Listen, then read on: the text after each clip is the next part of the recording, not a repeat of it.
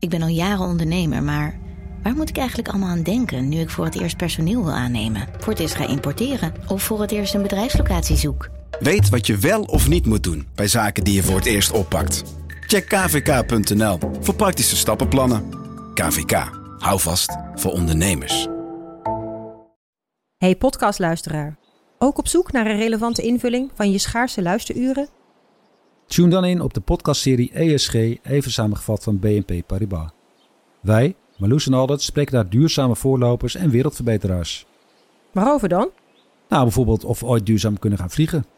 En waarom koeien in de stad nou een goed idee is? Dat en meer elke twee weken in een nieuwe aflevering.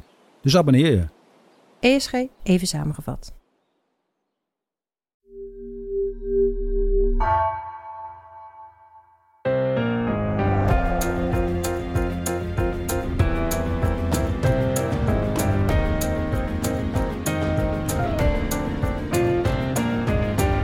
Dit is Haagse Zaken in de Zomer. Mijn naam is Lemja Aharwai. Het is reces in Den Haag. Het Tweede Kamergebouw is uitgestorven. Het kabinet werkt met zomerroosters en wij bieden hier de komende weken zomerafleveringen.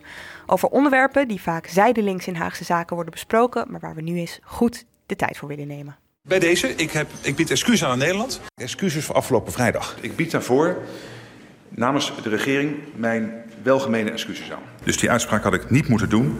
Daarvoor excuus. Er is een inschattingsfout gemaakt. Daar balen we van. Excuus daarvoor. Daar voel ik me zeer verantwoordelijk voor. Absoluut. Ik wil daarom hier en nu in deze Kamer excuses aanbieden. Ik neem mijzelf alles kwalijk wat niet goed ging in het afgelopen jaar. Dat is onvermijdelijk. Als je zo lang deze baan doet, gaan er ook heel veel dingen niet goed.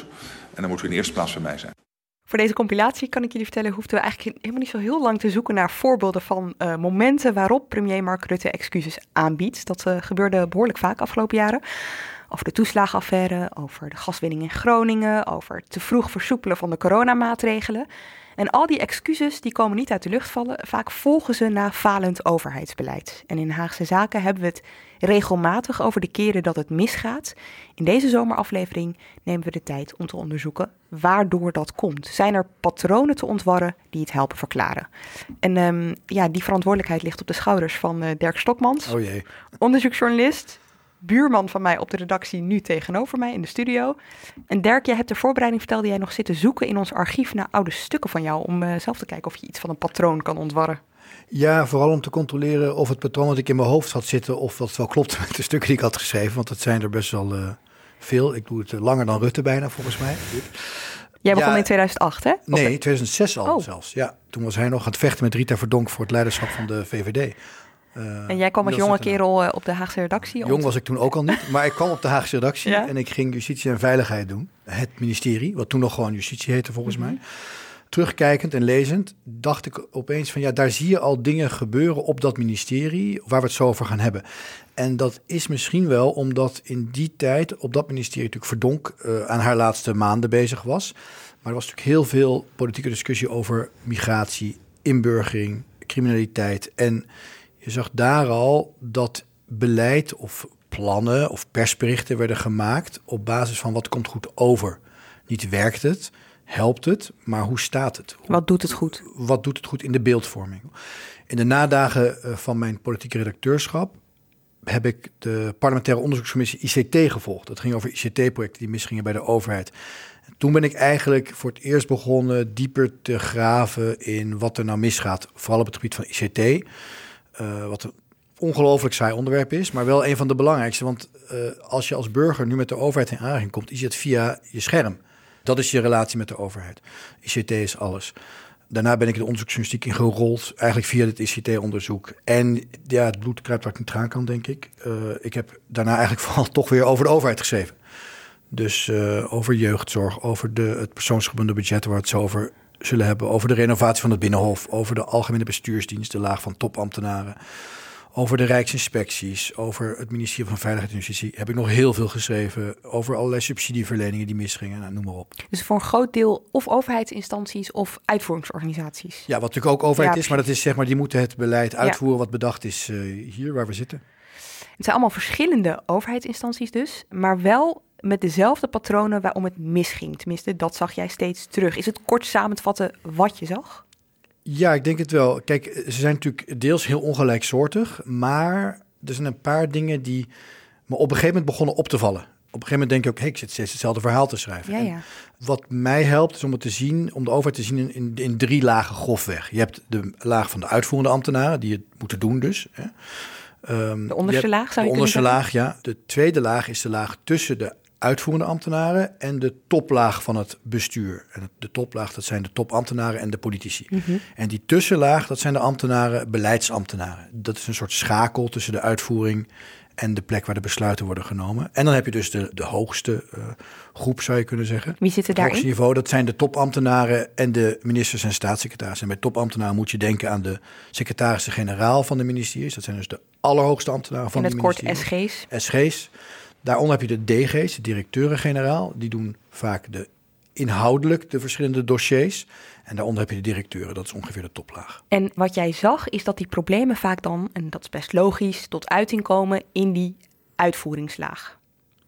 Ja, dus daar, hè, dat is de werkelijkheid. Daar gebeuren dingen, daar worden eh, uitkeringen wel of niet uitgekeerd, toeslagen wel of niet afgepakt, misdaden wel of niet opgelost, eh, nou ja, noem maar op. Dat zijn dus problemen die ontstaan en daar moet iemand een oplossing voor bedenken. En soms zijn dat oplossingen die alleen maar kunnen worden bedacht in de bovenste laag. En de stroom terug, hè, van nieuwe ideeën terug naar de uitvoering, gaat het vaak helemaal mis. En de korte samenvatting van die patronen die ik zag in die verschillende lagen is dat er zijn problemen in de uitvoering, maar die worden niet op de goede manier aangepakt. En dat komt voor een groot deel omdat ze niet doordringen tot de hogere lagen van de organisatie. En omgekeerd is het ook zo dat de problemen die ontstaan zijn vaak ook de oorzaak van besluiten boven in de organisatie. Er is dus eigenlijk een soort eh, disconnect, hoe zeg je dat? Een, Ja. een, een, een onvermogen met elkaar te communiceren binnen de overheid. Een goed voorbeeld hiervan is denk ik de toeslagenaffaire hè, en de Belastingdienst. We gaan al die verschillende lagen straks ook eventjes af. Maar voordat we dat doen wil ik het even nog iets concreter maken. Want het woord problemen valt nu al een paar keer. Laten we eerst even definiëren, wat zijn die problemen precies? Ik hou het een beetje bij de dingen die ik zelf heb uitgezocht, want daar voel ik het comfortabelst bij. Eh, een van de gevaren is natuurlijk dat we van buiten kijken en allerlei ideeën hebben, terwijl we niet weten hoe het zit. Om te beginnen met de ICT, die ik ooit uitgebreid beschreef of uitzocht. Wat je daar mis ziet gaan, en ik pak er één voorbeeld bij, dat is gewoon dat er, dat er gewoon niet werkende software wordt gemaakt. Het mooiste voorbeeld, het, wat, of het mooiste, het, het, eh, Schrijnendste, het is maar Ja. hoe je het bekijkt. Ja. het beste voorbeeld. Ja. Eh, eh, en dat ging over een op, volstrekt obscuur systeem bij de Belastingdienst, waar, waarvan niemand het bestaan kent als je daar niet werkt. Maar als je daar werkt, is het een van de belangrijkste systemen, of dat moest het worden. Namelijk het systeem wat alle transacties van de Belastingdienst, dus ge- overboekingen, heen en terug, zou moeten managen. Het Enterprise Tax Management System, ETM. Er kwam een of andere figuur op mijn pad die me daarnaar wees. Die zei, daar moet je naar kijken. En die kwam ook nog met een USB-stickje met spullen. En er was ooit bedacht dat alle oude systemen die al toen al heel oud waren bij Belastingdienst, die dat al deden, moesten worden vervangen door een nieuw systeem. Ze hadden in Californië iets gekocht, wat heel ergens anders voor gemaakt was. En ze gingen dat ombouwen naar dit. En zes of tien jaar later en 200 miljoen euro verder zijn ze ermee gestopt bij de Belastingdienst, want het werkte gewoon niet. Dus eh, het had, kon maar 4% van de transacties doen waarvoor het bedoeld was. Na 200 miljoen euro, hè? Ja. Wat ook grappig is en helemaal niet grappig. Ik zocht het laatst weer eens op hoe het daarmee stond. Want ze gingen er dus mee stoppen. En er is een ICT-project opgezet om het weer uit te faseren. Hè, want het, was, het is eh, deels ingevoerd. Ja. En dat project is ook al 30 miljoen of zo volgens mij. En heeft ook alweer vertraging. Dus het, ja, het is... Het is Een het is- clusterfuck, ja, zou pardon. je kunnen zeggen. Ja, als we dat soort woorden zouden Eh, gebruiken. in NRC Ja. is in de hoofdredactioneel commentaar gestaan, dus het mag, het mag. Ehm, maar dit is dus een dit- voorbeeld waarin je dus ziet... eh, Breng, geef Nou ja, even dus- een, een dus blikje moet- achter de schermen. kijk, je moet- Zagen mensen dit bijvoorbeeld aankomen? Ze is hiervoor Ja, gewaarschuwd. er is eindeloos voor gewaarschuwd. Helemaal aan het begin al, maar ook telkens weer. Alleen die waarschuwingen vonden gewoon geen gehoor. Tot het echt niet meer kon. En dan is het probleem inmiddels zo groot dat je het nog maar kan stoppen. Een ander voorbeeld wat heel anders is, waar het nu veel over gaat, is de jeugdzorg. Waar, waar kinderen beschadigd worden, ook door het systeem zelf. Dat was al, ik schreef er drie jaar geleden over, was toen in die sector zelf al volstrekt duidelijk. Dus bij de uitvoerders, de uitvoerende ambtenaren en mensen die daar werkten, volstrekt duidelijk dat het helemaal misging. Ze waren ook wanhopig, omdat in Den Haag niemand het leek Ja. te zien of te willen zien. Dus dan kom je bij die signalen waar je het net over had. Die Precies. worden van is- beneden ja. doorgegeven naar boven, maar die worden op de een of andere manier... Ja, en ze liggen echt op straat. Hè. Je Ja. moet echt heel erg wegkijken om ze niet te willen zien. En een laatste voorbeeld, gewoon omdat het nu speelt hier in, de, in een zaal in de buurt, is Groningen. En de manier waarop ze met de aardbeving is omgegaan. Ja, daar maakten we nog een aflevering over. Die zetten we apart in de show notes. Het lijken allemaal verschillende voorbeelden. Maar uiteindelijk zou je kunnen zeggen, het zijn allemaal dezelfde soort effecten van politieke besluiten.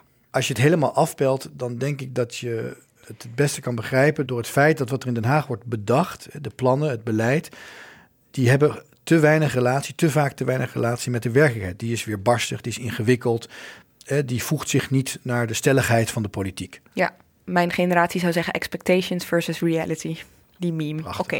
Eh, laten we het proberen uit te leggen aan de hand van het persoonsgebonden budget. Want dat is een onderwerp waar je veel onderzoek naar hebt gedaan. En volgens mij is dit het perfecte onderwerp om uh, de probleemdefinitie nog eens concreter te maken, zal ik maar zeggen. Ja, in het kabinet Rutte 2 moest er heel erg bezuinigd worden. En een van de dingen waarop bezuinigd moest worden was de PGB, het, of het PGB eigenlijk, want het is het persoonsgebonden budget. Het idee is dat mensen die zorg nodig hebben, of verzorging of dagbesteding, en dat niet via instanties willen doen, maar dat zelf willen regelen, een zak geld krijgen en dat dan daarmee ze hun hulpverleners kunnen betalen. En het probleem daarmee was dat er werd gedacht, er is fraude mee, dus we moeten dat beter controleren. Dus in plaats van dat iemand een zak geld kreeg, moest hij eerst een contract sluiten met een hulpverlener. Dan moest hij dat contract opsturen naar de Sociale Verzekeringsbank. En, dan, en dit, zijn, dit is een vereenvoudiging. Hè? En dan mhm. vervolgens ging de Sociale Verzekeringsbank direct de hulpverlener uitbetalen, zodat het geld niet op de bankrekening van de burger terecht kwam. Interessant. Het wantrouwen in de burger was toen al vrij aanwezig. Zeker. Dat ging volstrekt mis. Want achter elk stapje zit een heel ICT-systeem of een verschillende organisatie. Allemaal eisen aan hoe het contract eruit moest zien, wat erin moest staan. Uh, allemaal eisen aan de verschillende koppelingen tussen de systemen van de verschillende. Dus ze hadden een enorm monster opgetuigd. En toen het uh, moest gaan werken, werkte het niet. En je moet je uh, voorstellen, dit waren mensen die hulp nodig hebben. Betaalde hulp. En die betaling kwam niet. Terwijl, en dat is wel even goed om uit te leggen, de bedoeling was, we gaan het efficiënter maken. Er waren drie verschillende uh, manieren, drie verschillende wetten. En dat wilden ze terugbrengen tot één wet. Ze nou ja, wilden het overzichtelijker maken. Nee, dat is, het ligt iets anders. Ze wilden het vooral, denk ik, toch fraudebestendiger maken. Alleen het punt was, er waren drie wetten die je recht gaven op een PGB. Ja. En die drie wetten moesten allemaal in dat ene nieuwe keurslijf geperst worden. Alleen die drie wetten hebben allemaal andere wettelijke verplichtingen. Dus er moet een andere organisatie voor tekenen. Of ze komen via een andere financiële route binnen. Ze komen uit andere potjes van de overheid. Er waren drie potten met allemaal andere regels. En die regels moesten in hetzelfde systeem, maar dat had net weer andere routes. Dus, nou. De vraag is dan, Dirk, waarom? Waarom is dat dan zo ingewikkeld gemaakt? Als je even een stap nou achteruit doet en je denkt, oké, het idee is we moeten het beter maken, maar we maken het ingewikkelder. Ja, ik weet niet of het idee is dat we het beter moeten maken. Ik denk dat het idee was, we moeten een probleem oplossen, namelijk fraude. Maar dan moet de oplossing ook werken. Hè? Dus je bedenkt iets, namelijk, oh ja, als we nou een overheidsinstantie ertussen zetten, zodat die burger dat geld niet meer zelf heeft, voilà, fraude wordt onmogelijk. En dan ga je denken, oh ja, maar om te regelen dat die overheidsorganisatie dat geld naar de goede persoon krijgt, moeten we de gegevens van die hulpverlener hebben. Oké, oh, hoe komen we eraan? Ja, dat komt weer van de burger, dus die moet die gegevens sturen. Maar dan moeten we wel weer weten of we wel het goede uitbetalen. We hebben contract nodig, maar heel veel uren heeft die hulpverlener. Dus dit is, dit is eigenlijk een beetje dus, een voorbeeld van die weerbarstige werkelijkheid precies, versus de papieren. Het mooie idee, we zetten er een overheidsinstantie tussen en dan komt de werkelijkheid kijken. Ja. Dus er worden telkens kleine aanpassingen gedaan, omdat we denken, oh ja, die groep moet er ook nog bij. Oh ja, dit werkt niet helemaal voor die groep. Ja, en dat gebeurt allemaal vooraf. Hè? Dus je probeert te bedenken van, wat moeten we nou allemaal doen? En al die stapjes op zich zijn misschien logisch. Maar aan het eind van de rit heb je iets gemaakt waar niemand meer mee overweg kan. Ook de mensen die het moeten uitvoeren niet. Er werd ook voor gewaarschuwd, hè, helemaal aan het begin, door bijvoorbeeld mensen bij de Sociale Verzekeringsbank, die dat dus op zich moesten nemen. Door de mensen die de ICT aan het bouwen waren. Ook door gemeenten die een deel, een rolletje kregen in dat systeem er werd heel veel uh, gewaarschuwd door de Belangenvereniging voor PGB-houders dat het zo niet zou werken. Er was niemand die niet waarschuwde. En tegelijkertijd zag je dus aan de andere kant, het werd een, een groter en groter monster waar mensen mee te dealen uh, hadden. En de Tweede Kamer kreeg die signalen weer van, hè, van mensen die ermee te maken hadden en waarmee het mislukt. En die ging ook weer, ja, we hebben het hier in, af, hier in Haagzaak wel eens een kerstboom genoemd, waar dan steeds meer aan gehangen wordt. Dus de Tweede Kamer kwam het allemaal voorstellen om het nog meer aan te passen. Ja, wat je hier zag, wat heel, heel fascinerend was, was dat uh, het, het, er werd dus, volgens mij is er twee jaar aan voorbereid, anderhalf jaar. Op 1 januari 2015, zeg ik aan mijn hoofd, ging het in en het, ging, het liep volledig volledig vast. Dus mensen kregen geen geld en geen hulp. Nou, toen, toen was het natuurlijk wel een probleem geworden voor staatssecretaris Martin van Rijn van de PvdA die verantwoordelijk was. En maar toen was het probleem inmiddels ook zo groot dat het eigenlijk niet meer goed oplosbaar was. En de Tweede Kamer wist ervan. Precies. En wat de Tweede Kamer gaat doen, die gaat micromanagen. Die gaat proberen het over te nemen van de staatssecretaris. En de staatssecretaris staat heel zwak. Dus die zegt tegen alles ja. Ik overdrijf, maar niet veel. Hè. Dus je moet je politieke meerderheid behouden en de steun. Dus al dat micromanagement, dat wordt uh, afgevinkt door de staatssecretaris. En dan moeten die uitvoeringsorganisaties, die soms hele andere problemen hebben dan waar de Tweede Kamer Ja. denkt dat het misgaat, die moeten dat dan toch weer gaan doen naast het oplossen van de problemen die zij zien. Dus je krijgt een totale chaos. Iedereen ziet het eigenlijk misgaan.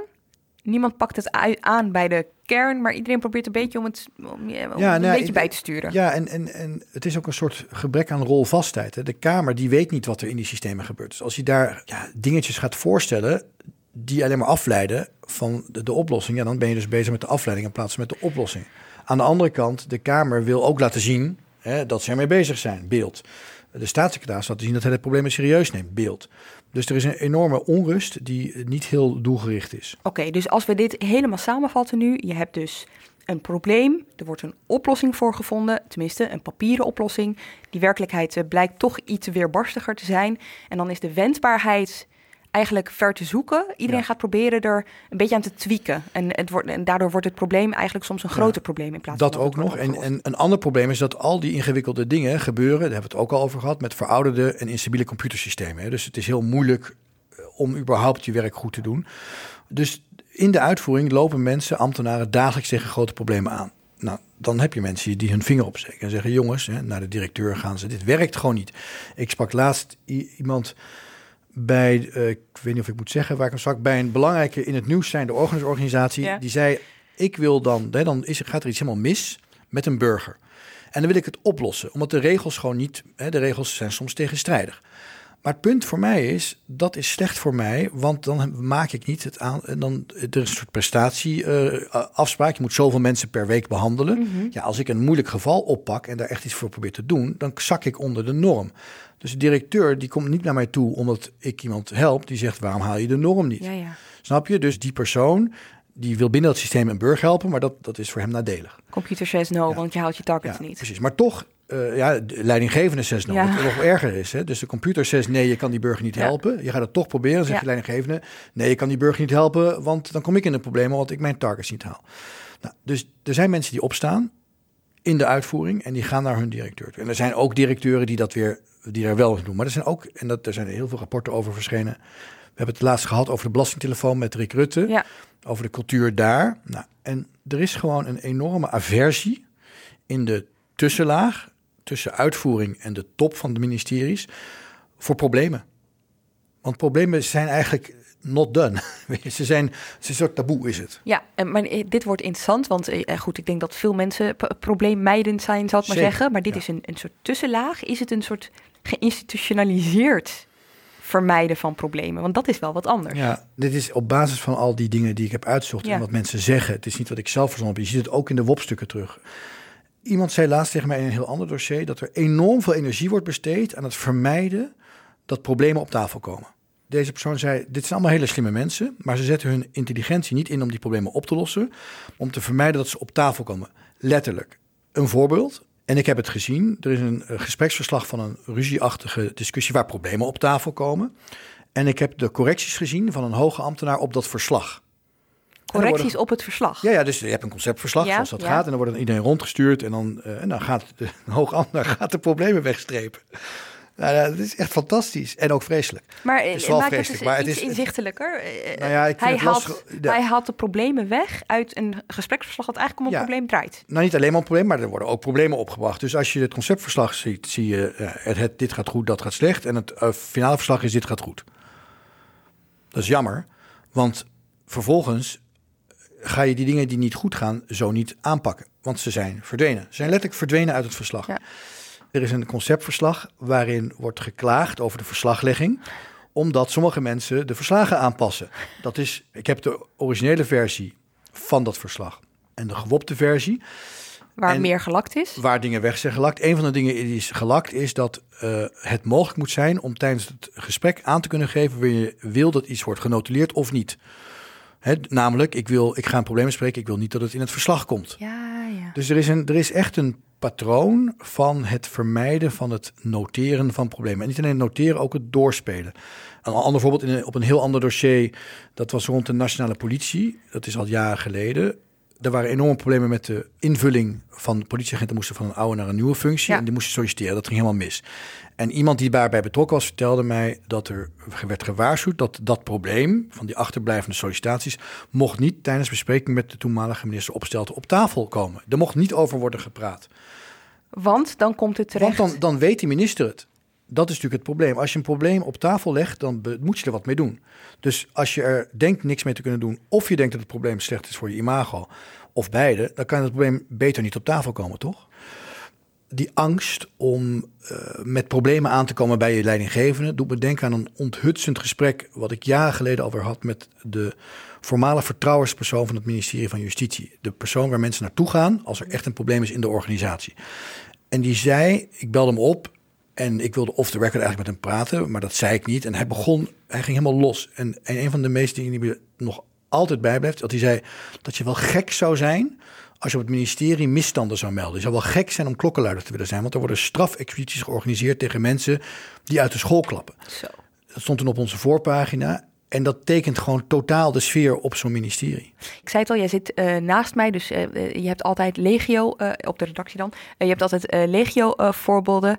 Ik herinner me ook nog dat je dan ziet staan, kunnen we even bellen als er iets kritisch aangegeven wordt. precies, hè? Want dan ja. hoeft het niet op papier Ja. te komen staan.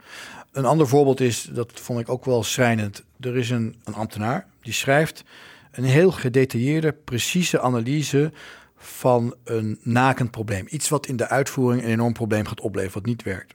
Aan de SG van de, de hoogste ambtenaar, de secretaris-generaal van het betrokken ministerie. En die mailt terug, jammer dat je het zo ziet, maar gaat ook heel veel goed. Ja. Ja, dat kan je doen natuurlijk, maar het geeft niet de indruk dat je super geïnteresseerd bent in, in het aanpakken van al die punten die worden opgenoemd. En wat het ook is, en dat, dat is weer van een ander voorbeeld. Iemand zei, het is niet zo dat mensen je gaan tegenspreken. Hè, dus je komt met een probleem op tafel. Het is niet zo dat mensen zeggen, nee, dat klopt niet. Of daar gaan we niks mee doen. Het eh, verdwijnt als zand tussen je handen. Dus je bespreekt het of je mailt het en dan gebeurt er dus dit. Zegt hij, nou dankjewel voor je commentaar, tot ziens. Ja, En is het weg. ja. Want wat moet je anders doen als ambtenaar die het aangeeft? Moet je dan nog een keer zo'n mail schrijven naar de eh, hoogste ambtenaar? Er zijn maar weinig mensen die dat dan nog doen. Moet je naar buiten gaan? Moet je, hè, moet je dat delen met de Precies. buitenwereld? Ja, wat jij dus ziet, wat jij bijvoorbeeld beschrijft met die WOP, is dus ook wat je wel en niet te zien krijgt als journalist. Ja. Hoe komen die problemen dan toch terecht bij jou als journalist? ja. Omdat er heel veel mensen zijn binnen de Rijksdienst en andere uitvo- die uitvoeringsorganisaties... die het enorm aan het hart gaat dat het zo gaat. En want dat is ook mijn overtuiging en ook ervaring. Er is niemand die opstaat en denkt... we gaan eens lekker burgers pesten vandaag. Ook de hoge ambtenaren trouwens niet. Maar het gebeurt, de resultaten voelen voor burgers soms wel zo. Dus er zijn gewoon heel veel mensen die, eh, die ons wijzen op wat er misgaat. We zien ook dat, ik bedoel, sommige dingen zijn zo evident dat je niet iemand hoeft te hebben die je vertelt het gaat mis. Je kan gaan wobben, je kan gewoon mensen bellen, je kan ze Ja. vragen hoe het zit. Eh, en Maar je wordt dus ook wel actief benaderd, omdat mensen... Zeker, er zijn mensen die ontzettend gefrustreerd zijn. Hey, en het lijkt me ook wel een beetje ontmoedigend als ambtenaar. Want je komt binnen, je, be- hè, eh, misschien wel heel ideologisch. Ik ga de wereld veranderen, ik ga werken bij de Nederlandse eh, overheid. En je Ja. loopt hier tegenaan. Dat is het denk ik voor sommigen ook. En zeker voor mensen die dus, zoals die persoon die ik net noemde, die op een burger probeerde te helpen. Je wordt niet alleen niet geholpen, je wordt actief tegengewerkt. Hè? Zo voelt eh, die persoon dat. Rond de gaswinning in Groningen spreken we ook met heel veel mensen die daarbij betrokken zijn geweest. Er zijn echt mensen die er echt een kras van hebben opgelopen. Van het, het, het totale onvermogen om te helpen. Om de dingen goed op te lossen. Hè, dus je hebt die ambtenaren en het heeft ook een soort zelfselecterend effect natuurlijk. Want als je verder wil komen, je wil groeien in de organisatie, dan moet je de dingen doen die, ja, die goed zijn voor de organisatie. Zo geldt het overigens in elke organisatie. Uiteraard. En wat in, de, in, in ambtelijke organisaties, op ministeries, goed is, is het beschermen van je bewindspersoon. En dat betekent zorgen dat die problemen niet op tafel komen. Ik chargeer het een beetje, maar dat is, heel veel mensen die wij spraken in die organisaties zeiden dat dat is een manier om verder te komen. Ik heb met een collega, Philip de Wit Wijnen, onderzoek gedaan naar de Algemene Bestuursdienst. En dat komt er ook heel erg duidelijk naar voren. Dus er wordt enorm veel energie gestoken, wat die andere bron me ook vertelde, in het voorkomen dat dingen op tafel komen, problemen op tafel komen. Problemen zijn namelijk slecht. Niet omdat ze in de werkelijkheid een probleem veroorzaken, maar omdat ze voor de minister een probleem veroorzaken. Namelijk een negatief krantenartikel of vervelende vragen van de Kamer of andere negatieve publiciteit. Maar Dirk, ehm, aan de andere kant hebben ambtenaren toch gewoon een soort van bijna informatieplicht aan hun minister om ze te informeren. Ik bedoel, eh, eh, als je niet cynisch bent en je hoort jou nu, dan eh, heb je wel heel snel een soort snelcursus cynisch worden. Nou ja, kijk, het is natuurlijk, ik denk, niet zwart-wit. Ik, ik zit niet dagelijks, helaas, bij de bestuursraad van het departement. Dus ik weet niet hoe het dagelijks gaat. Maar bij alle dingen die misgaan, zijn dit de patronen. En ik denk dat er altijd pogingen worden gedaan om dingen naar boven op tafel te krijgen. En er zijn mensen die daar op een gegeven moment zeggen, nou nu, hè, niet zeggen dat niet, maar die laten dat verdwijnen, dat probleem. En dat is denk ik toch ook omdat veel politici dat toch wel fijn vinden. Ik heb de woorden, ik heb er geen actieve herinnering aan, toch wel vaak gehoord. En ik vind het altijd een interessante term, een actieve herinnering aan hebben. Dat klinkt ook een beetje als ik heb nooit van een probleem gehoord. Dus hoe kan ik het weten? Ja. Dus we hebben het gehad over die uitvoeringslaag die tegen problemen aanloopt of die problemen signaleert. Uh, die er soms, hè, laten we wel eerlijk zijn, soms, ik denk dat er genoeg mensen bij uitvoeringsorganisaties zijn die gewoon doorwerken op die manier. Ja. Uh, in sommige gevallen staat iemand op en meldt dat aan de laag daarboven. Die laag daarboven is eigenlijk alleen maar bezig met uh, soort tennisballen wegslaan van de minister, problemen laten verdwijnen. Um, eigenlijk de spotlight of uitzetten of verplaatsen. Er gaan ook dingen wel goed, zoals jij net zei. Mm. laten we het nu hebben over die bewindspersonen en de Kamer en die dynamiek en hoe die hier een uh, rol in uh, speelt. Kijk, ik zat er gisteren nog over na te denken. Ik denk dat, de, en ik zat een stuk terug te lezen, dat heet De Zeven Plagen van het Ministerie van Justitie. Dat heb ik ooit met een andere collega, Marijn Rengers, geschreven. Want daar zag je dit soort dingen al uh, jaren geleden gebeuren. Dit was op basis van gesprekken met ex-bewindspersonen, ex-hoge ambtenaren, ook ambtenaren die er toen zaten. Ik wil met twee van die plagen beginnen. Eén is beeldvorming is alles. Ja. dus hoe je overkomt is het begin en het einde, het alfa en het omega van je succes als bewindspersoon. Geldt overigens voor alle departementen. Ja, het tweede is de waan van de dag. Dus je hebt niet een strategisch doel voor over een paar jaar. Je doel is de dag doorkomen. Je doel is niet in de zaterdagkrant of op de nieuwsuur. Je doel is om niet slecht in het nieuws te komen per dag. Dus iedereen is 80% van zijn tijd bezig met brandjes blussen. Er is helemaal geen tijd of energie of hersenruimte voor de sluimerende problemen het is ook een beetje vergelijkbaar met de krant van morgen. Is altijd belangrijker dan de krant van over een week. Wij herkennen het onze organisatie ook wel een beetje. Ja. Maar ja, dan zeggen we aan het eind van de week: waarom hebben we niet uh, een mooie achtergrond, uh, waar meer. er is, uh, zo is de mens. Maar ja, het, is, het moet niet te extreem worden. Er moeten toch wel mensen zijn die wel bezig zijn met de langere termijn. Dat is één element, hè, dus die obsessie met beeldvorming. Ik denk dat die voor een groot deel ook voorkomt uit de politieke instabiliteit. En dus laat ik denken naar uh, de jaren 70 of 80. Je had een paar grote politieke blokken. En hoe belabberd je het ook deed, je kwam ongeveer even groot terug. Ja. Maar nu kan je gewoon verdwijnen als partij als het slecht gaat. D66 was bijna verdwenen. Zit nu weer in het kabinet. Uh, de PvdA nou, is uh, wat het is. dus, dus er is een enorme onzekerheid onder politici. En dus een, denk ik ook een enorme behoefte om te scoren. Je bent zo goed hè, als je laatste optreden. Dus de, die instabiele politiek leidt ook tot instabiel bestuur volgens mij. Dus bij elke wisselwasje wordt er weer een nieuw dingetje bedacht. Ik ga even terug naar het stuk over justitie toen, want dat was een prachtig voorbeeld ervan. Ivo Opstelten, de toenmalige minister van Justitie, was iemand die heel graag kortdaad en daadkrachtig overkwam. Dus als er iets in de Telegraaf stond wat uh, niet law and order was, dan bedacht hij iets. Hadden hij weer de Telegraaf? Iemand had geturfd uh, dat er um, binnen één jaar, het was 2013 volgens mij, waar, had de politie 251 nieuwe dienstinstructies gekregen. Diezelfde ambtenaar die dat had geturfd vertelde ook, je, had Robert M., die pedofiel in een kinderdagverblijf in Amsterdam. Er werden toen 100 rechercheurs opgezet. Nou, dat zijn 100 rechercheurs die aan andere zaken bezig waren. Die zijn niet uit een blik getrokken van rechercheurs in de kast. Nee, dit zijn, dus die behoefte om telkens in te spelen op de laatste ja. reddetjes maakt het de politiek en dus het bestuur heel instabiel. Ja, want je hebt dus zeg maar uh, de invalshoek van de bewindspersoon die een probleem wil oplossen op korte termijn, die daarmee, nou ja, in jouw woorden, het, het beeld uh, voor zich wil, uh, mm. wil, wil, krijgen. aan de andere kant heb je natuurlijk ook de Kamer. Die, ik denk dat het wel belangrijk is om die toch ook wel te benoemen. Zeker. Want die, als er een foutje wordt gesignaleerd, roept die meteen de minister naar de Kamer. En terecht vaak. Ja. Maar dan ontstaat er, dat, dat neemt ook een bepaalde dynamiek met zich mee. Ja, en, en daar zit ook volgens mij die politieke onzekerheid. Dus ik kan me voorstellen een situatie waarin er iets fout gaat. Je uitlegt dat er fout gaat. En je uitlegt dat er nog geen oplossing is. Want je moet het probleem eerst even goed bekijken voordat je iets geks doet. En dat de Kamer daar dan ja, op een bepaalde manier uh, mee overweg kan. Ik denk dat daarvoor een paar belangrijke dingen nodig zijn die er nu minder of niet zijn. Eén is dat je de feiten deelt. Er is natuurlijk ook een enorme toename van dat überhaupt mensen niet eens zijn over wat, er, wat de feiten zijn. Dat is niet, maakt het niet makkelijk ook om dit soort discussies te voeren. Of dat de feiten nog niet eens duidelijk zijn, hè? Ja. Dat kan ook, maar bijvoorbeeld nu in het stikstofdebat wat mij fascineert is... er zijn ook boeren die zeggen er is helemaal geen stikstofprobleem. Nou, dan wordt het lastig praten. En in de Kamer heb je ook mensen die dat zeggen. De probleemdefinitie is niet meer algemeen geldig. Ja. Het andere is, is dat er heel weinig op de departementen en in de politiek, denk ik, inhoudelijke kennis is over waar men over praat. Dingen zijn erg ingewikkeld. Dus het gaat vaak over beelden en processen en niet over hè, feiten en inhoud. Dus je krijgt ook een heel raar gesprek van mensen die volgens mij soms de helft begrijpen van wat ze zeggen. Ja, dat is een goed, een goed voorbeeld daarvan is heel vaak het vragenuurtje op dinsdag. Uh, dan heeft er iets in de krant gestaan. Dat is dan bijvoorbeeld een, een uitgelekte rapport dat de Kamer zelf nog niet heeft gehad. Dan wordt de minister naar de Kamer geroepen. Die wordt dan bevraagd op de inhoud van dat rapport. Terwijl eigenlijk niemand echt weet wat er in het rapport staat. Want iedereen baseert zich op het nieuwsbericht over het uitgelekte bericht. En dan gaat de minister zeggen, nou, uh, het rapport wordt over een maand uh, gepubliceerd. Weet je, ik kan er nu nog niks over zeggen. Dan krijg je een soort hele gekke dynamiek. En vaak zit ik daar dan naar te kijken en denk oké, waar hebben jullie het nu eigenlijk Dus, over? ja, Want de dus- een weet de feiten, de ander denkt de feiten te weten op basis van wat een journalist ervan heeft gemaakt. Ja, en dus, het is ook een procesdiscussie. Hè? Ja. Dus het is een discussie die niet gaat over het, de inhoud van het rapport, maar over op de manier waarop het rapport is behandeld.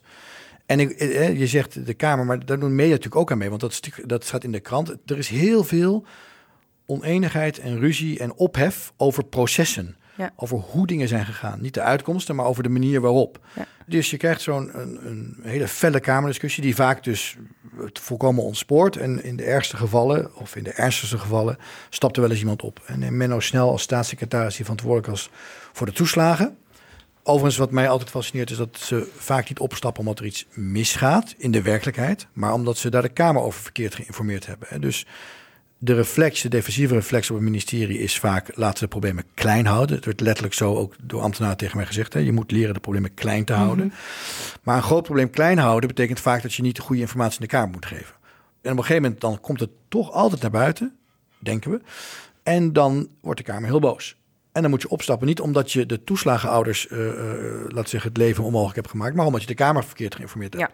Wat ook een proces, het is ook weer een proces. Ik snap je gedachtegang, het lost niks op uiteindelijk. Nou ja, en, het, en, en je wordt ook niet weggestuurd omdat je een probleem hebt veroorzaakt. Eh, dus dat, dat is ook een soort rare reiniging die geen reiniging is. het is wel en daarom, doodzonde. Ik bedoel, Ja, nee, de Kamer niet, onze hele parlementaire democratie is Natuurlijk, natuurlijk ja, maar het is ook helemaal terecht. Alleen wat mij zo fascineert is dat iedereen dat weet. En toch mensen steeds de Kamer verkeerd informeren met Ja. als eh, soms consequentie dat ze moeten aftreden. Terwijl ik denk dat als je gewoon direct zegt, echt goed probeert uit te zoeken in je organisatie hoe het misgaat en dat vertelt aan de Kamer, dan is het niet waarschijnlijk dat de coalitie dan het kleed onder je vandaan trekt. Want het, moet altijd, het zijn altijd je eigen coalitiepartners die het doen. Hè? De oppositie kan je niet wegsturen. Die wordt door je eigen mensen Ja. weggestuurd. En bij de bonnetjesaffaire werd Teven en Opstelten kwamen niet in een probleem omdat ze geld hadden betaald aan een crimineel, maar omdat ze, daar- omdat ze daar continu over logen. Dat is het probleem. En ik denk dat de hele cultuur van een probleem ontdekken, dus nu, nu komt het probleem in de Kamer. En dan ga je als minister vragen, wat is er aan de hand? Maar iedereen is jarenlang bezig geweest met te voorkomen dat die problemen op tafel kwamen. En dan is het niet heel logisch dat ze volgens in staat zijn om direct dat probleem Ja. op tafel te leggen. Want hun hele, de hele houding is Ja. een omgekeerde. Heb je wel eens oud-bewindspersonen gesproken hierover die uitleggen hoe het vanuit hun kant is? Want eh, Ja. een vraag die een beetje bij mij blijft hangen is: oké, jouw hele ambtenarenapparaat is bezig om problemen bij jou weg te houden.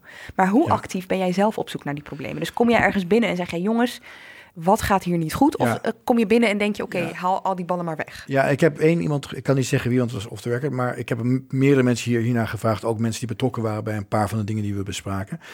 Maar één iemand zei, er kwamen dagelijks al genoeg problemen op een bord. Ik ging echt niet vragen of er nog meer bij konden. Ja. Er zijn natuurlijk ook heel veel shit die we niet zien.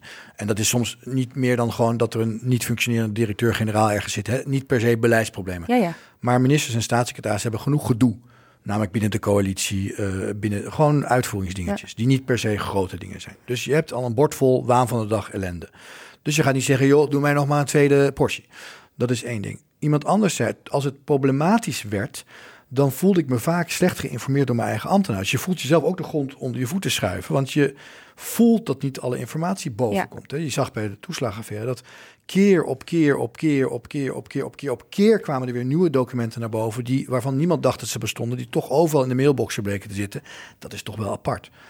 Dus, dus je voelt je als minister ook volkomen onveilig op dat moment, volgens mij. Wat ook je defensiviteit nog vergroot natuurlijk. Dit roept duizend vragen bij me op. Maar dan zou je kunnen stellen uh, dat die, dat vage begrip nieuwe politieke bestuurscultuur eigenlijk over ambtenaren gaat. Want als jij vertelt over ministers die zelf dus het gevoel hebben dat ze niet goed geïnformeerd worden door hun eigen mensen en wel de Kamer moeten gaan informeren. Ja, maar het is een symbiotische relatie. Die twee kastes, de politieke kasten en de topbestuurskasten, kan je niet los van elkaar begrijpen. Ze zijn zoals ze zijn vanwege een symbiose. En als de minister in een probleem komt, wil hij graag de informatie. Maar tot die tijd heeft hij toch vermoedelijk vaak vooral gevraagd: los het probleem nou eens voor me op. Ik wil dit beleid. Ik wil het morgen. Ik wil het over een week. Ik wil niet horen dat het niet kan. Dus als je dat eerst duizend keer zegt en vervolgens zegt: Hé, wat is er nou gebeurd? Snap je dus, het is niet het een of het ander. De ambtenaren worden ook gevraagd letterlijk om politiek sensitief te zijn. Het is een vreselijke term, vind ik. Wat betekent het? Omdat je vraagt een ambtenaar om politicus te zijn. Je moet heel goed begrijpen, dit wel, dit niet. Ja, je politiek vaardig. Hè? En, maar staat dat in vacatureteksten of is dit een soort ongeschreven... Ik weet zeker, 100% zeker dat ik ooit in een vacaturetekst heb gelezen voor een... Ja, ja, het was voor het hoofd van het bureau ICT-toetsing, echt jaren geleden alweer. Ik vond het toen heel grappig, omdat het bureau ICT-toetsing juist bedoeld was om te voorkomen dat politieke sensitiviteit zou leiden tot slechte ICT. En er werd iemand gevraagd voor dat bureau, uh, die dus politiek sensitief genoeg was om te begrijpen dat het om hele gevoelige kwesties ging. En natuurlijk, je moet begrijpen dat het om gevoelige kwesties gaat, maar vaak is het vervolg vervolgens dat je zegt, nou dan moeten we onze handen er maar van afhouden. Oké, maar terug naar die ene bewindspersoon die dan dus geconfronteerd wordt met een probleem, vaak van buiten, of het nou medium is of de Kamer. Die staat in de Kamer en dan? Nou, dan, dan moet hij dus hè, de vliegen van zich afslaan. En je ziet natuurlijk ook vaak dat het niet heel erg over de inhoud kan gaan. Want de Kamerleden, zoals je zelf al beschreef, die weten soms hè, niet precies hoe het zit. De minister weet beter hoe het zit, maar moet vooral voorkomen dat hij iets zegt waardoor hij weer in een nieuw probleem komt. En wat je heel vaak ziet, denk ik, maar dat weet jij denk ik ook beter, is dat er een soort semantisch eh, spel ontstaat. Hè, waarin je, is iets nou een memo of was het een oplegdocument. Hè? Dus dan wordt gezegd, nee, er was geen memo. Dan blijkt er een memo te zijn, maar dan stond er niet memo boven, maar er stond er uh, iets anders boven. Dus dan was het geen memo, maar het was een ander document. Terwijl iedereen natuurlijk weet, het gaat niet om hoe dat ding heette, maar welke informatie erin stond. Dit was volgens mij rond Wiebes en de dividendbelasting. Ja. Er was bij de formatie een stuk op tafel gekomen, maar het was niet een formeel stuk. Dus je krijgt bizarre discussies waarvan elke normaal mens denkt: ja, kom op jongens, weet je wel, wat is dit nou? Maar het punt is natuurlijk, als je er semantisch in de Kamer uitkomt, hè, dus met je coalitiepartners eigenlijk, en van nou, ik heb het, het is een soort rare tekstexegese, ja. dan ben je in de Kamer, kan je weer naar huis. Maar ja, buiten de Kamer denkt iedereen: waar heb ik naar zitten kijken, joh? En er is één iemand die daar een enorm talent voor heeft, en dat is de premier. Door het hele politiek, bestuurlijk, juridische systeem zijn fouten gemaakt die ertoe hebben geleid dat duizenden ouders groot onrecht is aangedaan. Maar de politieke verantwoordelijkheid ligt uiteindelijk bij het zittende kabinet en nergens anders. Als het hele systeem heeft gefaald, kan alleen gezamenlijk verantwoordelijkheid worden gedragen. Maar natuurlijk is voor de toekomst meer nodig. Want het kan en mag niet nog een keer zo verschrikkelijk misgaan. Dit was uh, Rutte's uh, persconferentie bij het aftreden van zijn kabinet, of zijn toespraak zou je het kunnen noemen. Rutte 3. En wat mij zo opvalt is dat hij dus eigenlijk erover praat alsof hij het heeft van een afstandje heeft zitten aanschouwen. Het hele systeem faalt. Alleen gezamenlijk, het mag niet zo misgaan.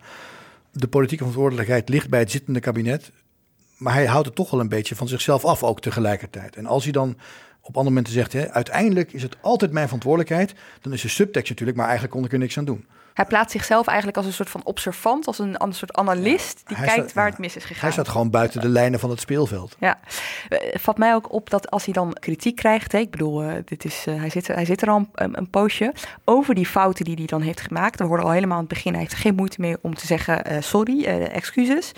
Maar hij heeft tegenwoordig ook een andere reflex en dat is dat hij dan zich eigenlijk een soort van verdedigt door te zeggen wat er allemaal ook goed is gegaan. En dan zegt hij, ik ga dat niet opsommen. En vervolgens gebeurt iets interessants. Luister maar eventjes, dit is maart 2021 in uh, een podcast van Torentje naar Torentje. Ik ga nu niet het lijstje opnoemen van dingen waar we volgens mij proactief de goede dingen gedaan hebben. Zoals met het klimaatakkoord en met de uh, pensioenen uh, en met het echt stevig ingrijpen in 2010, 2011 toen we zo zwaar in de crisis zaten. Waardoor we nu de snelst groeiende economie zijn van heel Europa. Uh, we, zijn op drie na best presterende economie ter wereld. Uh, en dat, is, uh, dat zijn landen buiten Europa, drie andere. Dus ik ben op heel veel dingen trots. En 10 juni gebeurde het weer. Er was toen een persconferentie na afloop van de ministerraad. Het was vlak voor eh, het zomerreces. De ene crisis stapelde zich op boven de andere crisis. Uh, asiel, wonen, stikstof. En ik vroeg, ziet u daar nog enige verantwoordelijkheid in voor uzelf? Want er is een soort constante geweest in het ontstaan van al die crisis. En dat bent u. Nou, eh, geen patroon, maar ik zie wel dat het natuurlijk zo is. Ik zou u dan, maar dat ga ik natuurlijk niet doen, ook kunnen zeggen waar ik trots op ben. Dan zou ik u verteld hebben dat ik er trots op ben dat wij de laagste werkloosheid hebben uit onze geschiedenis. De snelst groeiende economie van de westerse wereld zijn. Dat we uh, daardoor ook weer allerlei problemen hebben. Hè. Een van de problemen die we daardoor hebben is een uh, gebrek aan mensen voor alle vacatures. Uh, waardoor bijvoorbeeld ook problemen ontstaan.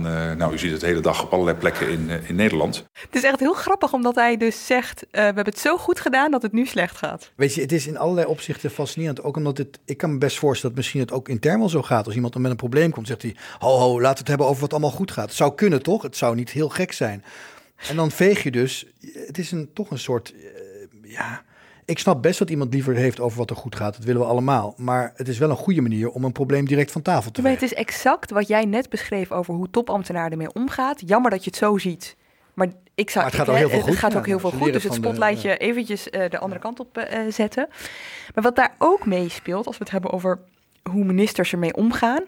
En dan blijven we eventjes bij Rutte, is ook meeveren. Want hij kan natuurlijk als geen ander een heel goed concreet voorbeeld daarvan is um, terminologie. Dat is iets wat ook gewoon heel, heel eh, tastbaar is. Hè? Je kan het, uh, ja, ja, precies. En je had een tijdje terug in, uh, in mei het, het, het, het, debat over de uithuisplaatsing van kinderen. Wiens ouders te maken hadden gehad met de toeslagenaffaire of nog steeds mee te maken hebben. En Pieter Omtzigt sprak Rutte er toen aan dat hij het niet meer zou moeten hebben over de toeslagenaffaire, maar om een toeslagenschandaal. Dan wil ik er nog één ding bij, twee ja. dingen bij zeggen, voorzitter. Ja. Het is geen toeslagenaffaire. Het is geen vreselijke kwestie. Het is een schandaal met bewuste besluiten die geleid hebben tot uithuisplaatsing. En ik vraag de premier vanaf nu ook alleen het woord schandaal te gebruiken en niet het affaire als iets lichtsvoetigs. Dat is gebeurd. En het is echt zo interessant, Dirk, want vanaf dat moment consistent noemt Rutte het schandaal. Uh, en verder dank aan de heer Omtzigt voor zijn guidance over welke woorden ik zou moeten gebruiken. Er zijn hier geen aanwijzingen dat hier rechters of jeugdzorgmedewerkers bewust bezig zijn geweest. Oh, een gezin is slachtoffer van de kinderopvangtoeslag. Uh, uh, uh, schandaal. Uh, en uh, daarom is er nu een uithuisplaatsing. Voorzitter, waar het betreft het schandaal van de kinderopvangtoeslag hebben we met elkaar veel gedebatteerd. Er is weinig discussie, denk ik, over dat dat verschrikkelijk is. Ten eerste, dit is ook weer zo'n voorbeeld van die semantiek. Hè? Dus we gaan eerst een discussie voeren over hoe we de discussie moeten voeren. Ik snap overigens omzicht wel, want woorden hebben betekenis. Zeker, hè? Zeker. En wat hij natuurlijk wil is, het is niet iets wat uh, zomaar uit de lucht is komen vallen. Er zijn mensen die dingen hebben gedaan. Affaire klinkt als een incident. Ja, en ja. wat Rutte natuurlijk heel vaak doet, ik weet niet precies of dat in dit debat gebeurt, maar hij houdt dingen graag ver van zich. He, dus hij zegt ook altijd: Ik ben geen recensent van mijn eigen optreden. Of uh, ik ben niet ingehuurd om terug te kijken op mijn eigen. Dus dingen overkomen hem. En dus ik snap dat hij het doet. En tegelijkertijd, uh, doordat Rutte dat zo knap direct uh, internaliseert, is het probleem natuurlijk niet. Het is schandaal is er niet minder van geworden. Dus het is een soort. Stel je voor dat het enige was wat Rutte zou hebben gedaan. Hè, het wordt verder schandaal vervangen. Kom je als toeslagenouder niet super veel verder. Het enorme gewicht van semantiek, van woordgebruik in het. Hè, je, je, je wint een debat. Dat is wat Rutte heel goed kan: een debat winnen. En het debat wint hij niet op de inhoud van de argumenten, maar omdat hij weg. Uh, Meeveert. Ja, weg, wegglippert, wou ik zeggen. Maar, maar dus hij weet gewoon, uh, het, het ketst van hem af, omdat hij gewoon heel veel woorden kan gebruiken om te voorkomen dat hij iets zegt.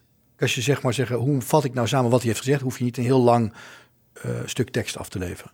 Dus die semantische spelletjes strekken zich zelfs uit naar momenten waarop er wordt sorry gezegd voor dingen die mis zijn gegaan. En een goed voorbeeld is een persconferentie van Mark Rutte en Hugo de Jonge tijdens de coronacrisis. Excuses voor afgelopen vrijdag. Dat was geen goede persconferentie. Jullie vroegen terecht om reflectie van ons. Heel eerlijk, we waren die dagen zo druk bezig geweest met na te denken over de maatregelen dat we dat niet goed hadden voorbereid. Maar het was natuurlijk een volkomen uh, terechte vraag. En die stellen jullie niet namens jezelf, maar namens Nederland, dat weet ik ook. Maar toch ook even in de verhouding met jullie. Uh, terecht dat jullie het vroegen, onterecht dat wij het niet gaven. Dat was niet onze beste persconferentie in de reeks van de afgelopen, wat is het, 30, 35 persconferenties waar we elkaar treffen. Ik heb veel uh, sorry's van Rutte live mogen meemaken, maar dit was wel een van de meest krankzinnige. De juli in dit verhaal is dus de pers. De vrijdag daarvoor was gewoon een reguliere coronapersconferentie geweest. Daar was de sfeer wat uh, vijandig geweest, want zij hadden daar gestaan. De coronacijfers waren echt in een piek en zij hadden echt zoiets van reflectie. Waar heb je het over? Weet je wel, dus er ontstaat ook een soort uh, dynamiek. En de oplossing was dus sorry zeggen tegen de pers. Ze hadden zo hard zitten werken dat ze er niet aan waren toegekomen om na te denken over wat er eigenlijk gebeurde. Wat op allerlei manieren grappig is, want het is, die cijfers zijn uiteindelijk best belangrijk. Hè? Dus niet dat je lekker bezig bent. Maar het sorry gaat niet over wat er is gebeurd, maar over hoe ze de beeldvormers hebben behandeld. Ja. Waardoor het beeld bij de beeldvormers niet goed is. En nu we toch nog bij corona zijn, is er nog één fragment dat ik eventjes wil uh, laten horen. Want het, op de een of andere manier valt het denk ik alles samen. Helemaal aan het begin zeg jij, volgens mij is dat een beetje de rode lijn van de werkelijkheid is altijd weer barstiger dan wat op papier is bedacht. En in de coronacrisis zag je dat natuurlijk aan de lopende band. Mark Liefs Adriaans en jij hebben het ook uh, gereconstrueerd. Hè. Die coronacrisis de eerste maanden. Hoe de werkelijkheid eigenlijk het kabinet de heet het inhaalde. Een paar maanden na dat fragment dat we net hoorden, was Hugo de Jong een keer aan het woord. Het was een beetje in de, in de sfeer van de zelfreflectie. Hè? Wat is allemaal goed en niet goed gegaan? En toen zei hij dit. De werkelijkheid is minder maakbaar dan we zouden willen. Dan ik zou willen. En van mijn soms al te grote stelligheid trekt het virus zich in ieder geval niet zoveel aan. Het is overigens een les die hij keer op keer moest leren. Want dat is natuurlijk ook het grappige. Hè? Dus niet dat hij één keer uh, achter de feiten aanliep, maar dat gebeurde continu. Hij heeft hem daarna ook echt keer op keer herhaald als hem gevraagd werd om zelfreflectie Ja, want hij dacht, dit is wel een goede verklaring. Maar de verklaring is natuurlijk, ja, de werkelijkheid houdt zich niet aan mijn plannen. Ja. Maar dat verklaart wel precies waarom de plannen niet goed zijn. Omdat het de werkelijkheid is die zich moet aanpassen en niet de plannen. We komen een beetje tot een einde van deze uh, iets wat deprimerende aflevering. Ik wil toch proberen om het toch met een soort van uh, perspectief af te sluiten. Want, ik ben benieuwd. Uh, de vraag is, jij onderzoekt dit dus al lange tijd. Jij ziet van alles gebeuren bij die uitvoeringsorganisatie, volgt het tot in de Kamer, ziet hoe het daar steeds misgaat. Heb je het eigenlijk erger zien worden? Voor mijn gevoel wel, maar het is moeilijk omdat daar heb ik nou net geen onderzoek naar gedaan. Nee, ik heb een soort wetenschappelijk onderzoek. ja. Maar er viel me laatst wel op dat er een paar fundamentele kwesties in de openbaarheid kwamen over overheden die hun eigen regels overtraden. Een andere rode draad in dit soort problemen. De overheid ziet de regels als een probleem in plaats van een kader waarbinnen het moet bewegen. En de ministeries in de publicaties over die fundamentele problemen hadden geen eens een reactie erop. Er verscheen onlangs een onthutsend interview met Jeroen Dijsselbloem, voorzitter van de Onderzoeksraad voor de Veiligheid, die eigenlijk daar ook op ingaat over dat probleem. Het is interessant omdat Dijsselbloem verklaard tegenstander is van de afrekencultuur. Uh, toch had hij een nogal onthutsende aanklacht die hij daar presenteerde. Ik quote even, uh, juist bij grote onderzoeken die politiek gevoelig zijn en mogelijk de positie van de minister raken, is in Den Haag het leren steeds moeilijker geworden. Men wil niet leren van fouten, men wil niet toegeven dat er fouten zijn. En hij zegt, het ging niet alleen maar over corona, daar ging het onderzoek over. Hij ziet alle grote onderzoeken die ze doen naar het Rijk, eh, ja, hij noemt het gaan de luiken steeds verder dicht. Men wil niet reflecteren, men wil niet zeggen, dit is fout gegaan, nu gaan we het anders doen. En een van de interessante dingen is dat hij zei, uh, er werd gevraagd van, ja, maar mensen willen toch aan de knoppen zitten, waarom willen ze dan die verantwoordelijkheid niet nemen? En hij zei, ja, ze willen wel macht, maar macht is niet altijd hetzelfde als verantwoordelijkheid willen nemen. Ja, dat verscheen op een vrijdag. En diezelfde vrijdagmiddag had je de, de wekelijkse persconferentie naar de ministerraad. Toen werd uiteraard werd Rutte hierop uh, bevraagd. En over onthutsend gesproken, er ontstond een soort schouwspel van twee botsende wereldbeelden. Dus je had de journalist die Dijsselbloem heeft geïnterviewd, Frank Hendricks, die zat in de zaal en die ging Rutte bevragen. En Rutte was echt zo van, nou, zelfreflectie hebben we wel eens getoond hoor, in persconferenties. En uh, uh, op een gegeven moment zei hij ook van, uh, ja, je moet niet alleen maar in de reflectie blijven hangen, je moet natuurlijk ook naar de toekomst kijken, weet je wel. Dus, ja. Maar interessanter vond ik eigenlijk dat er een soort gevecht ontstond over wat er nou precies in dat interview had gestaan. Dijsselbloem was heel duidelijk, was heel uitgesproken eigenlijk hè, voor zo'n over. Noemde ook voorbeelden van wat niet was opgevolgd. Ja, en Rutte was dus een soort van, ja, ik zie wat algemeenheden over gesloten luiken en over uh, bestuurscultuur, maar uh, geef me dan maar het transcript van het interview, want uh, ik, vind, ik vind dit niet duidelijk genoeg, weet je wel. Dus, ja. Het bewees eigenlijk dat hij het probleem niet wil zien. Nou ja, en, en wat ook opvalt toen ik die woorden van Dijsselbloem las over wel macht, maar geen verantwoordelijkheid willen nemen voor problemen je ziet het eigenlijk ook terug bij de stikstofcrisis, wat al tien jaar lang een bekend probleem is, maar waar blijkbaar tien jaar lang niemand de verantwoordelijkheid voor wilde nemen. de vorige keer dat het een jaar geleden, anderhalf jaar geleden, dat de trekkers eh, naar Den Haag reden, was het ook al bekend. Weet je, het, 2019, ja. men laat het maar eens aankomen op, op een explosie van alles. Hey, en ehm, Dus zijn ja, er, het gaat steeds beter. Zijn er eh, manieren om dit te doorbreken? Zijn, want die mensen die jij spreekt, hè, dus die bronnen die zich bij jou melden, Ja. die komen vaak met een probleem waar ze tegenaan lopen. Maar hoor je van hen ook oplossingen? Nee, niet vaak. Ja, de oplossing is natuurlijk dat mensen zich anders gaan gedragen. Maar de hele cultuur is erop gericht om die mensen die zich anders gedragen, het leven niet erop gericht. Maar het gevolg van de cultuur is dat mensen die zich anders gedragen, die problematiseren, voelen zich niet prettig. En een van de mensen die ik eerder aanhaalde, die zei van ja, je moet eigenlijk een hele sanering van die bovenlaag. Een soort nieuwe, eh, een nieuwe cultuur in die symbiose tussen Mhm. die problemen moeten opborrelen op tijd, als ze nog hanteerbaar zijn, voordat er nieuw beleid is of als het eh, eh, nog niet helemaal uit de hand is gelopen. Maar de mensen die de problemen, die, dit, die deze cultuur in stand houden, zullen niet de eerste zijn die daar eh, de verandering bewerkstelligen. Zijn er wel eens bewindspersonen geweest die ehm, wel ergens binnenkwamen en zeiden: Jongens, en nu wil ik alle lijken uit de kast. We gaan er samen naar kijken. Eh, nou, de eerste waar ik nu aan denk, omdat het ging over een dossier waar ik mee bezig was, was Erik Wiebes, die toen hij staatssecretaris van Financiën werd en dus over Belastingdienst ging en daarmee over de ICT van de Belastingdienst. Die heeft toen een Kamerbrief geschreven, waarin hij echt, eh, laten we zeggen, op meest negatieve wijze, dus realistische wijze, de Mhm. problemen bij de ICT daar beschreef. Ik denk dat heel veel bewindspersonen beginnen vrijer, maar ja, die defensieve houding die trekt er denk ik al heel snel in. En vervolgens versterkt zich dat. Eh, dit voorbeeld schiet me te binnen. Maar ik ken er niet direct af de top of mijn head veel andere. Je zou zeggen, daar begint het, weet je wel. Als zij eh, binnenkomen en zeggen: Oké, ik doe het anders, dan. Ja, ja maar ik, ik weet niet. Het, het lastige van cultuur is natuurlijk dat er heel veel cultuurdragers zijn in een cultuur. En dat, ja, de, het moet, als het ergens moet beginnen, is het, hè, zoals Rutte graag zegt, uiteindelijk ben ik verantwoordelijk. Ja. Dus laat het bij Rutte beginnen. Ja, nou. Die heeft de nieuwe bestuurscultuur al aangekondigd, begreep ik onlangs. Kijken of we daar in het eh, komende parlementaire jaar meer van eh, gaan zien. Dankjewel, Dirk Stokmans. En jij ook bedankt voor het luisteren. Redactie en productie van deze aflevering waren in handen van Iris Verhulsdonk. Montage door Pieter Bakker.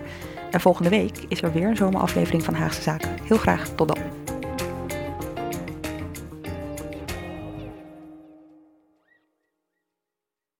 Technologie lijkt tegenwoordig het antwoord op iedere uitdaging. Bij PwC zien we dit anders. Als we de potentie van technologie willen benutten, kunnen we niet zonder een menselijk perspectief. Human-led, tech-powered noemen we dat. Ga naar pwc.nl.